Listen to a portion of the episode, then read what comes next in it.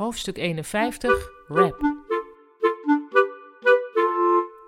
Kavia pakte het visitekaartje dat ze van Ruud had gekregen. Nu moest het er maar eens van komen. Het hoofd communicatie van het moederconcern heette Enzo, wat Kavia grappig vond. Aan haar de taak om hem te bellen. Pas na de lunch durfde ze, toen er even niemand op de afdeling was. Met Enzo klonk het. Hallo, met Kavia van de communicatie van. Ja, ik wist dat je me zou bellen, onderbrak hij haar. Wij moeten volgens mij samen afspreken, toch? Uh, ja, dat lijkt me dan wel handig en zo, zei Kavia. Oh, nu leek het alsof ze zijn naam noemde. Ze hield even haar mond. Ik bedoel, vanwege dat we moeten samenwerken dus. We gaan lunchen, zei Enzo, en dan spreken we alles door. Maar dan ook alles, hij lachte. Goed, zei Kavia, en wanneer zou dat uitkomen? Maandag, vroeg hij. Ja, goed, zei Kavia.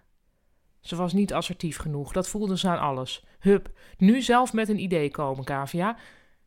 We kunnen misschien een wrap gaan eten in een tentje hier in de buurt, probeerde ze.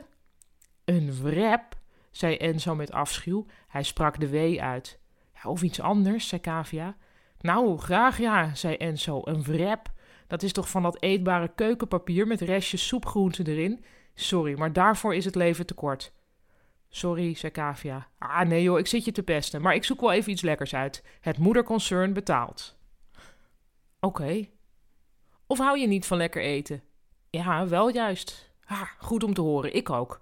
Enfin, ik zoek wat uit en gooi het allemaal wel even op de mail. Tot maandag. Verward legde Kavia neer. Er was iets aan die Enzo waar ze zenuwachtig van werd.